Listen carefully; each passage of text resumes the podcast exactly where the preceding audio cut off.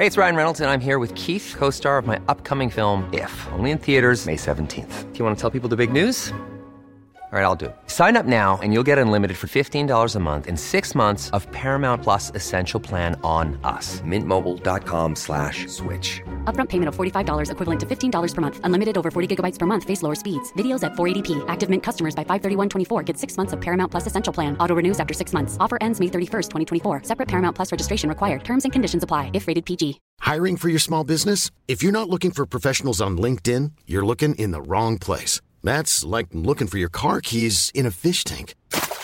LinkedIn helps you hire professionals you can't find anywhere else, even those who aren't actively searching for a new job but might be open to the perfect role. In a given month, over 70% of LinkedIn users don't even visit other leading job sites. So start looking in the right place. With LinkedIn, you can hire professionals like a professional. Post your free job on linkedin.com slash people today. Det er torsdag kveld 1. juni 2006.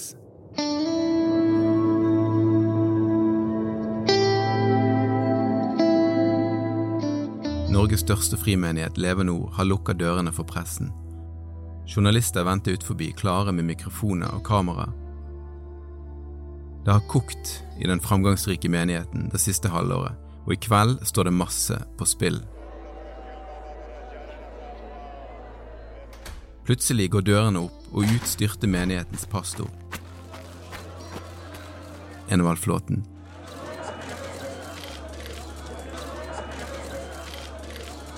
Noen fra pressen forsøker å nå tak i han, men han bare mumler noe idet han forsvinner ut av foajeen. Flåten blør fra nesen. Folk springer etter og kjefter og diskuterer med hverandre. Det er kaos, tilløp til håndgemeng. Enevald Flåten setter seg inn i en bil og kjører av gårde. Vekk fra Øvre Kråkenes. Vekk fra levende ord.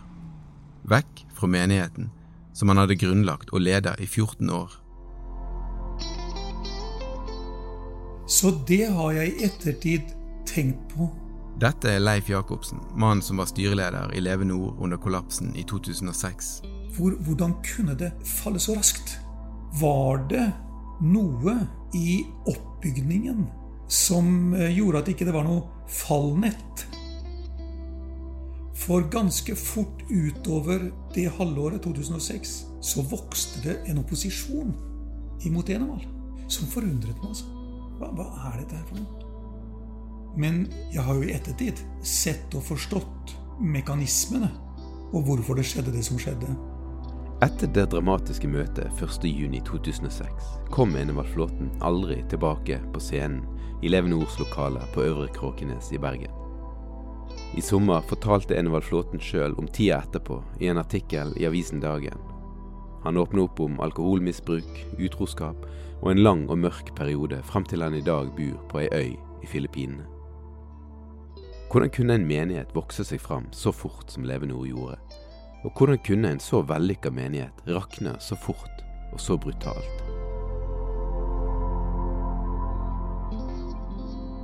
Jeg er Eivind Algerøy, journalist i avisen Dagen, og du lytter til podkasten Levende ord. Dette er første episode, I begynnelsen.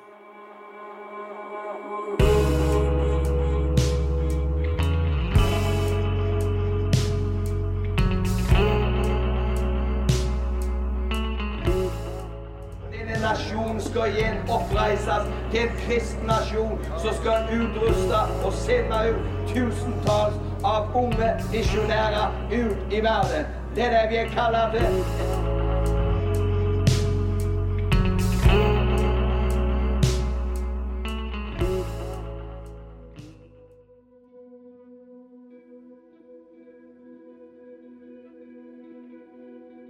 Denne høsten har jeg jakta på den unike historien om Enevald Flåtens Leve Nord. Det er en jakt som har ført oss fra ekstatiske åndelige opplevelser til opprivende konflikter. Fra et teltmøte på en ferjekai i en fjord i Nordhordland til en avsidesliggende øy i Filippinene der vi møtte Enevald Flåten. Og ja, jeg har funnet en historie om makt, ukritisk etterfølgelse og ambisjoner uten grunnlag i virkeligheten.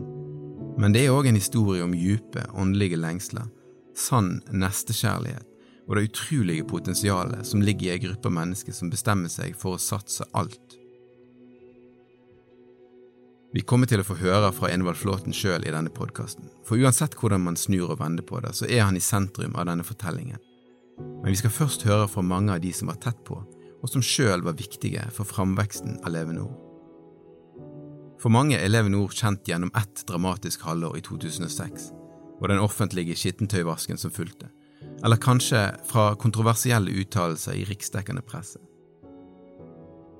Men for å forstå hvordan dette her kunne skje, så må man først forstå de 13 foregående årene med nesten sammenhengende vekst. For å skjønne historien om Enevald Flåtens Leve Nord, må vi begynne i tida før oppstarten, i 1992. For i arbeidet med denne podkasten har jeg forstått mer og mer at 80-tallet var en tid med sterk lengsel etter en opprinnelig kristendom en sånn kristendom som man leste om i apostlenes gjerninger i Bibelen, med mirakler, tegn og under, og en voldsom framgang for kirka. En av de som levde midt i alt dette her, er Jan Helge Indenes. I dag er Jan Helge pastor i en baptistmenighet i Bergen, og jeg møter ham i kirkelokalene der han jobber til daglig. Ja, god dag, god dag. Det er veldig kjekt at vi fikk uh, sette oss ned. Han møtte Enevald Flåten for første gang allerede midt på 80-tallet, og det skulle forandre livsretningen for han. Jeg ble jo kjent med Enevald første gang i 1985. Når han uh, kom til Halsenøy i Sunnhordland og hadde teltmøte i lag med Nils Gustav Johnsen. Da bodde jeg på Halsenøy og jobba i en misjonsmenighet der litt. Eh, og det var veldig spesielt for meg, fordi at eh, jeg husker vi satt i teltmøte langt ned i salen, og når han begynte å forkynne, så, eh, så husker jeg at jeg snudde meg til kona mi, og så sa jeg at eh, her er det som vi har lengta etter. Jeg tror det var denne kombinasjonen av eh, Guds ord frihet, nådegave Liksom en god miks. Akkurat som at han traff en sånn lengsel ja. hos folk. Ja. Og da, og da var det var veldig sånn Og da, da, ble vi jo litt kjent den tiden der. Denne type første møte med Enevald Flåten har jeg hørt mange av, og de er viktige for å forstå den sterke tiltrekningskraften som Levenor fikk.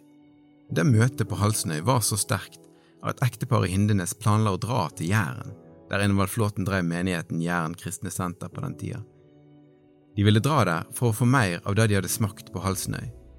Og De var ikke de eneste som vurderte det, og mange flytta faktisk til Jæren for å gå på bibelskole i denne perioden. Han er Herrenes Herre. Han er Messias, den levende Guds.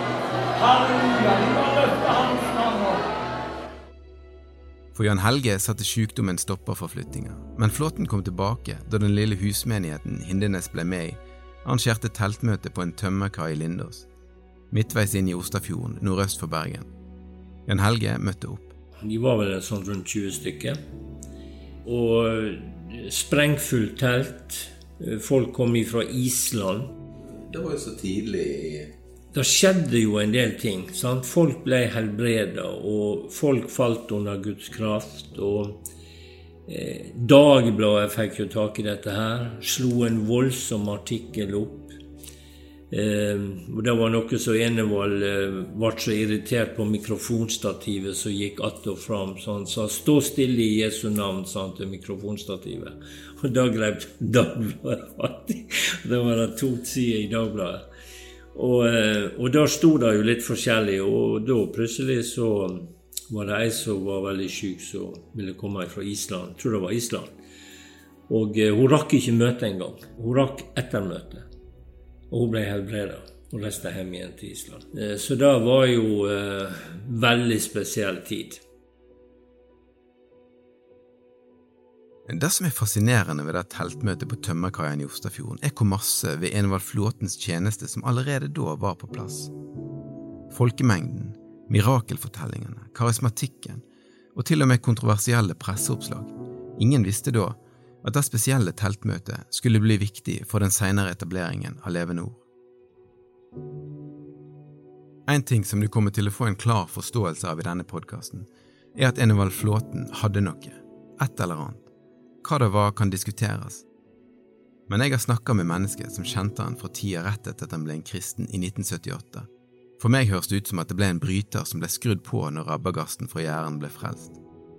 Enevald starta husmenighet samme år som han ble kristen. Året etterpå starta han menigheten Nærbø Frie Misjonsmenighet, som var tilknyttet det landsdekkende trossamfunnet Misjonsforbundet. Han starta flere menigheter av den typen før han bryter med Misjonsforbundet i 1986. Og bare året etterpå starta han Jæren kristne senter og samler mange mennesker rundt seg. Vi fikk jo veldig god kontakt, og vi var jo sammen hele tiden. Nils Gustav Johnsen er en av Enevald Flåtens nærmeste venner og kompanjonger gjennom en lang karriere, og få kjenner egentlig Flåtens historie så godt som han. Nils Gustav reiste landet rundt som evangelist for Misjonsforbundet på den tida, men han sa opp stillingen i 1982 for å jobbe sammen med Enevald-flåten. Hele tiden så ble, ble menneskeselsk. Jeg, tror, altså jeg hadde jo ikke tall på de, men Enevald sa at de de hadde navn på av de som ble frelst, det var over 60 stykker, tror jeg, den våren der. Opptil fem-seks stykker i ett møte, husker jeg. Men Envald spurte om jeg kunne komme tilbake igjen senere. Da, da fortsatte jo eh, Da ble jo Ja, det fortsatte at mange mennesker ble frelst. Og Envald var jo veldig åpen og tok imot gaver. Han begynte å fungere i åndelige gaver, i kunnskapsord. Vi så jo konkrete helbredelser. Jeg husker jeg var med og ba for en syk som hadde rygglidelser, og jeg kjente eh, Vi ba jo for ham begge to, da. Og, jeg, og når Guds ånd kom over ham, så kjente jeg det på kroppen, Guds kraft. Altså, han ble momentant helbredet. Også manifestasjoner av åndsmakter, faktisk. Jeg har aldri, aldri opplevd så mye av det noen annen plass enn eh, der nede på Jæren. Johnsen forteller meg at han kjente et ansvar for å støtte Enevald i hans åndelige utvikling, og det var på 80-tallet at Nils Gustav så de kraftigste åndelige manifestasjonene, som han kaller det, rundt Enevald. En gang Enevald var med Nils Gustav på reise, møter de Åge Åleskjær, som allerede da var godt i gang med å bygge seg opp som forkynner og pastor. Jeg husker jeg hadde han med bort til Sarpsborg, og da var han med på et møte med, som Åge Åleskjær hadde der borte på den tiden. Det var jo på 80-tallet, dette her. Han reiste hjem igjen, og så begynte det å fungere for han òg. Så han på en måte lot seg åndelig befrukte av det han så fungerte gjennom Åge Oleskjær. Og det, han, han, da begynte det å fungere for han òg. Så sånn åpen var, var han, og det syns jeg var veldig Veldig fint å oppleve og se, da. Denne nasjonen skal igjen oppreises til en kristen nasjon som skal utruste og sende ut tusentalls av unge misjonærer ut i verden. Det er det vi er kalt til. Det er det kallet... Nils Gustav forteller meg noe annet som er interessant fra denne tida. En gang de to kjørte rundt på Jæren, stansa flåten bilen og fortalte om et helt konkret kall fra Gud. Og da sa han her talte Gud til meg, sa han. Og sa at jeg skulle reise opp et evangeliseringssenter her. Og det var på Nærbø. Men, men så reiste han jo til eh, Så fikk han jo kontakt med Ulf Ekman, da. Ulf Ekman, som Nils Gustav nevner her, er kjent som pastor i Livets Ord i Uppsala i Sverige, og han blir en viktig premissleverandør for Levende Ord. Og en gang eh, han og Ulf Ekman var i Bergen, han reiste litt en periode, det var jo seinere, da. Periode sammen med Ulf Ekman. Når Ulf Ekman var i Norge, så var han en del sammen med han. Og når de var i Bergen, så hadde Ulf Ekman sagt at her, i denne byen, skal du eh, virke. Og da begynte han å tenke på det, da. Men jeg er litt usikker på om, om Det er min personlige tanke, da. Var det riktig, liksom? Når Gud hadde sagt at han skulle reise opp et senter på Nærbø, var det riktig at han da skulle reise til Bergen? Flåten planta aldri da evangeliseringssenteret på Jæren. I 1991 drar han på bibelskole til Ulf Ekmanns Livets Ord, for andre gang. Og derfra drar han omtrent rett til Bergen for å starte Levende Ord. Tilbake på Jæren sitter Nils Gustav Johnsen. Jeg følte det var utfordring. Envald altså, sa at du skal overta som past, du skal ta hovedansvaret her. Og jeg eh, kjente at det Jeg var nok litt jeg, Ja, jeg følte egentlig litt Ja, jeg følte, jeg følte litt frykt for det, for jeg følte liksom ikke at det var kanskje det jeg skulle. Men jeg sa jo ja, da. Hele bibelskolen ble jo flytta dit. Vi starta jo den på Nærbø, den bibelskolen. Da tok hun med jo hele bibelskolen og, og, og mange av lederne og, og lovsangerne og alt. Så jeg ble jo igjen da på Da hadde vi jo etablert uh, en menighet på Bryne som vi kalte Jæren kristne senter. Og jeg ble jo igjen da og, og tok hovedansvaret som pastor for, for den menigheten da. Hvorfor ble ikke Envald Flåten værende i den framgangsrike menigheten på Jæren, og utførte kallet om å plante et evangeliseringssenter i nærheten av Vigrestad sør på Jæren, der han var født og oppvokst? Var det kontakten med Ulf Ekman som satte han på et annet spor? Var han redd for at det kanskje kunne bli vanskelig å være profet i egen heimby? Eller var det noe annet som gjorde at han hoppa videre til en annen visjon? Det får vi aldri vite helt sikkert, men før vi drar videre fra Jæren, tar vi med noe annet som Nils Gustav forteller om på den tida. Han husker at masse sterkt skjedde rundt flåten, men han viste òg en usikkerhet. Enra var åpen, ærlig og, og, og tok imot. Jeg, jeg, opplevde Jeg opplevde gode, ja, gode erfaringer. Jeg vil jo kalle Envald fortsatt for en god venn han hadde nok litt problemer med, med, med selvbildet og det å, på en måte Hva skal jeg si for noe? Kanskje litt uh, redd for å, for å gape over for mye en periode. Han måtte ha bekreftelse, måtte ha oppmuntring hele veien. For at vi, vi, vi trodde på han og stå på. Han spurte, han spurte om mange ting. Det er kanskje en bagatell, det Nils Gustav nevner her, men den usikkerheten som han snakker om, skal vi komme tilbake til mot slutten av denne podkastserien. Jeg tror han er viktig for å forstå hva som skal skje etter hvert.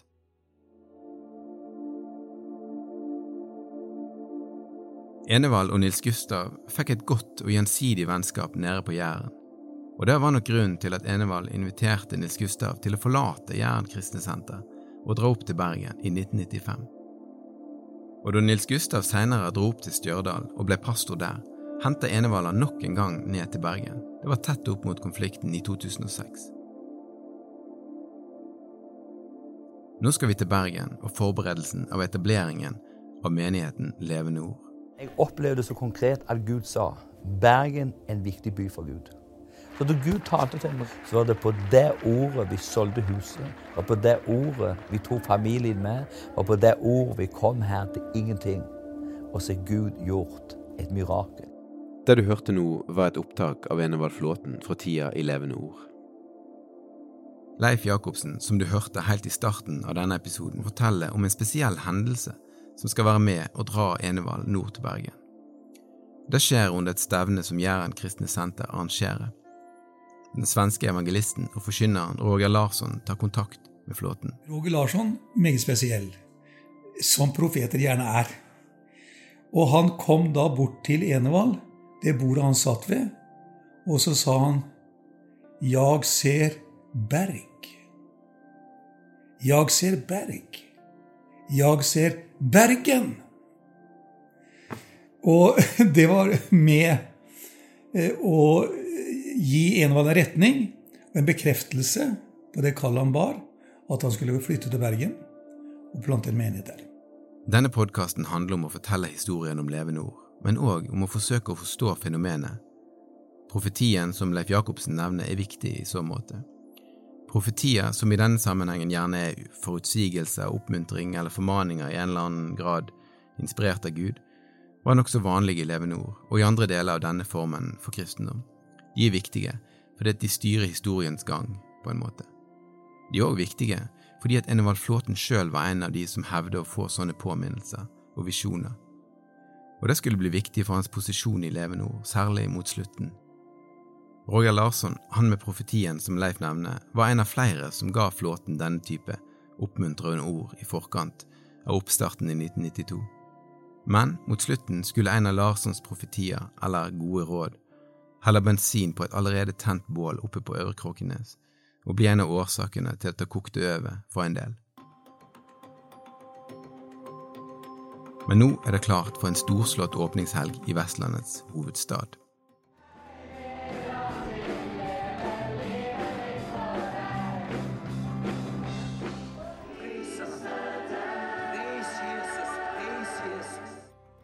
Levenor ble offisielt etablert 9.8.1992. Og denne sommeren er det særlig to ting som dominerer bergenspressen. Det ene er opprettelsen av TV 2, og det andre er opprettelsen av Leve Nord. Men selve åpningen strekker seg over ei hel helg i slutten av måneden. Fredag 28. august 1992 blir industrilokalene på Øvre Kråkenes innvia til kirkelokalet. Lørdagen er det stormøte i et leid lokale ikke langt fra Kråkenes. Å, bare lufta din røst, lufta din røst. La det lyde jubel, jubel, jubel, jubel, jubel.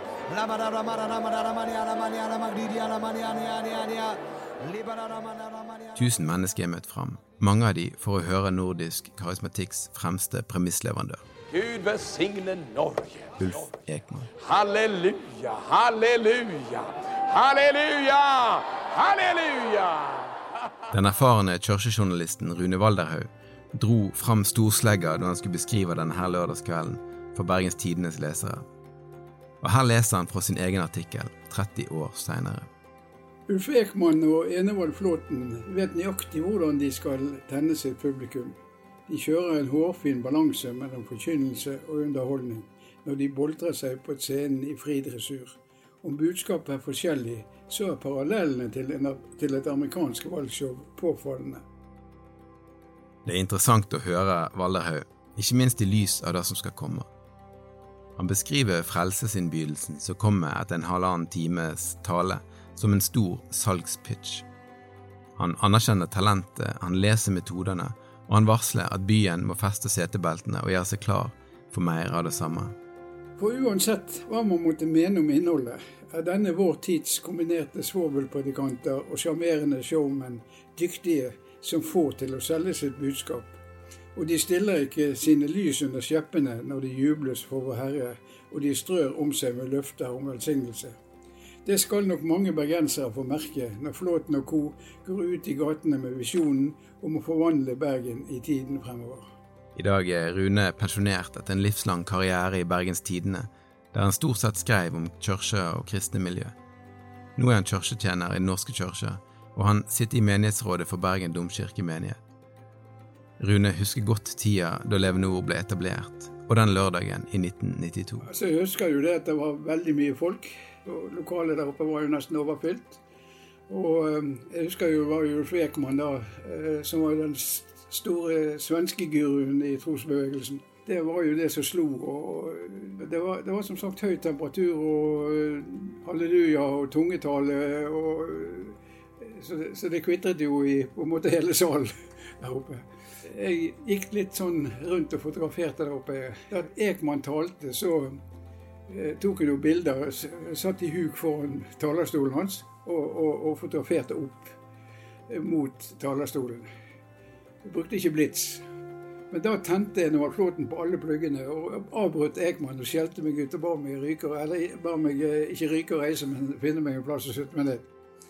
Og Ulf Ekman avbrøt igjen Flåten og sa du var velkommen til å fotografere. Så bare jobb, du.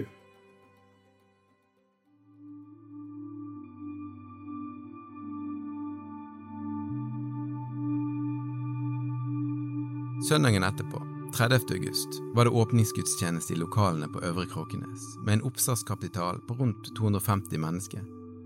En god del av de kom fra bergensmenigheten Livets elv, men mange flytta òg med opp fra Jæren, og noen av de hadde allerede flytta til Jæren og var klar for å bli med videre. Andre kom flyttende fra andre plasser i landet. Og igjen viser dette hvor ekstremt tiltrekkende det som skjedde rundt Enevaldflåten var. Tenk deg at du selger huset, tar med deg familien og flytter til en annen plass i landet. Det koster en del. Jeg tror faktisk at mange av de som gjorde det, fikk noe av det de lengtet etter. Den første tida på Levenor blir beskrevet som en helt spesiell tid. Folk jeg snakker med, er gjerne kritisk til visse trekk ved Levenor, men denne tida blir omtalt som spesiell. Jan Helge Hindenes, han med teltmøte på tømmerkaien, han sier at det var ingen andre plasser du heller ville være. Det var bare til å bli tatt inn i et sug, og spesielt dette med lovsangen. Sant? Liksom tre kvarter, en time med lovsang.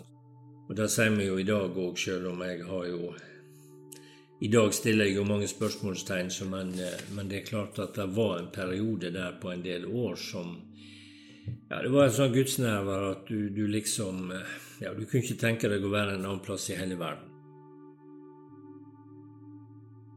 Jeg husker jo vi hadde en av dåpsmøtene, så ble jo folk eh, båret ut av lokalet klokka halv tre på ettermiddag for å bli kjørt hjem. De var jo ikke kommet eh, til sans og samling etter dåpen fordi at Guds ånd bare slo ned. Så det er jo klart at folk ble, eh, begeistra, og det var, det var en fantastisk tid. Det er jo klart at akkurat disse tingene lengta jeg jo jeg tilbake til. Det som var ekte.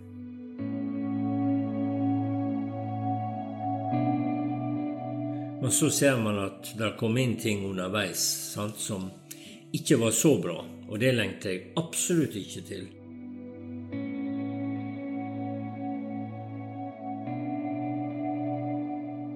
Men akkurat den ekte, genuine gudsnærværet der du liksom kjente at her er det hellig, her er det rent, her er Gud, her stadfester Gud. Det er jo klart at eh, Ja, jeg tror det er mange som burde lengte etter det.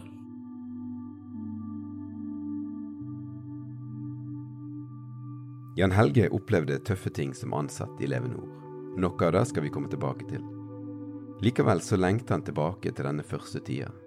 Til forkynnelsen, lovsangen, bønnemøtene åndeligheten, og sikkert òg de fine folkene, den oppmuntrende stemningen og følelsen av å være mange, og av å være på vei mot noe stort.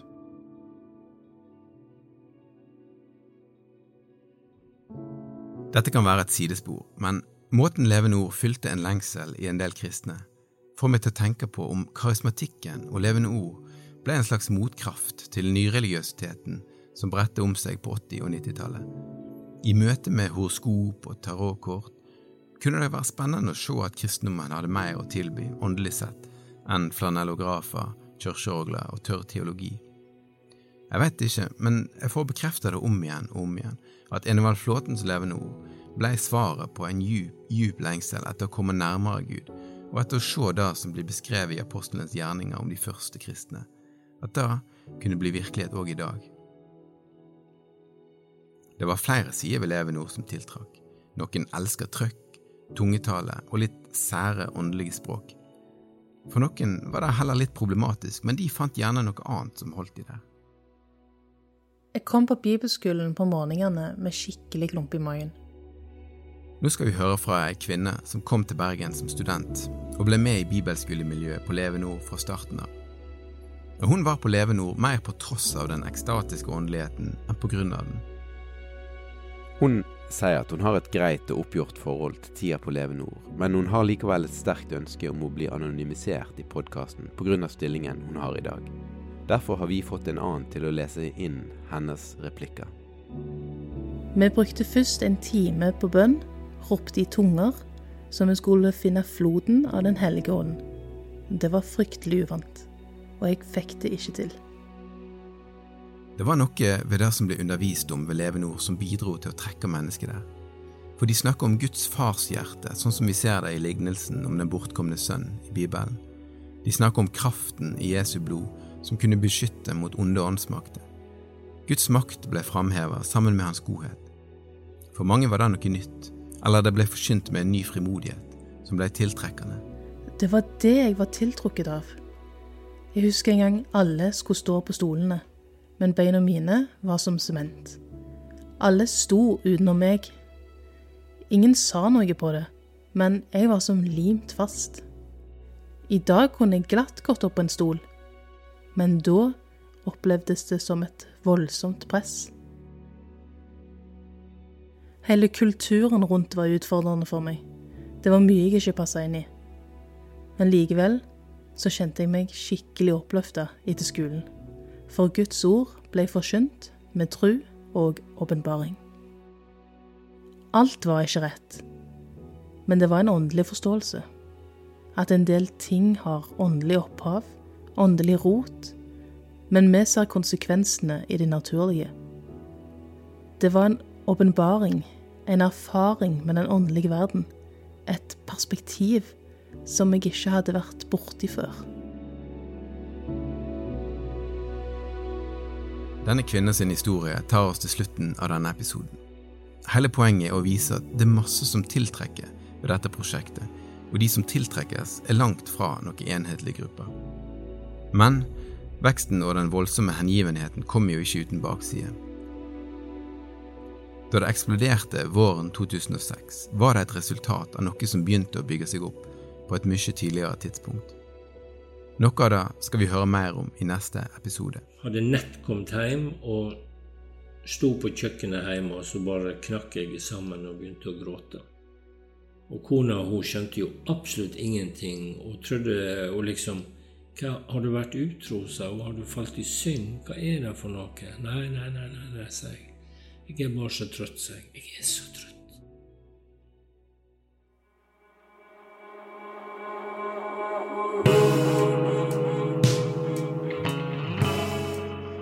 Du har lyttet til podkasten Levende ords vekst og fall, en podkast fra dagen. Klipp Miriam Kirkholm. Idé- og reportasjeledelse ved Vebjørn Selbekk. Konsulenter Herman Fransen og Christian Marstrande fra Lyder Produksjoner. Sosiale medier og grafikk ved Simon Sætren. Tittelspor er låten 'Engleøyne' fra artisten Stenersen. Jeg heter Eivind Algerøy.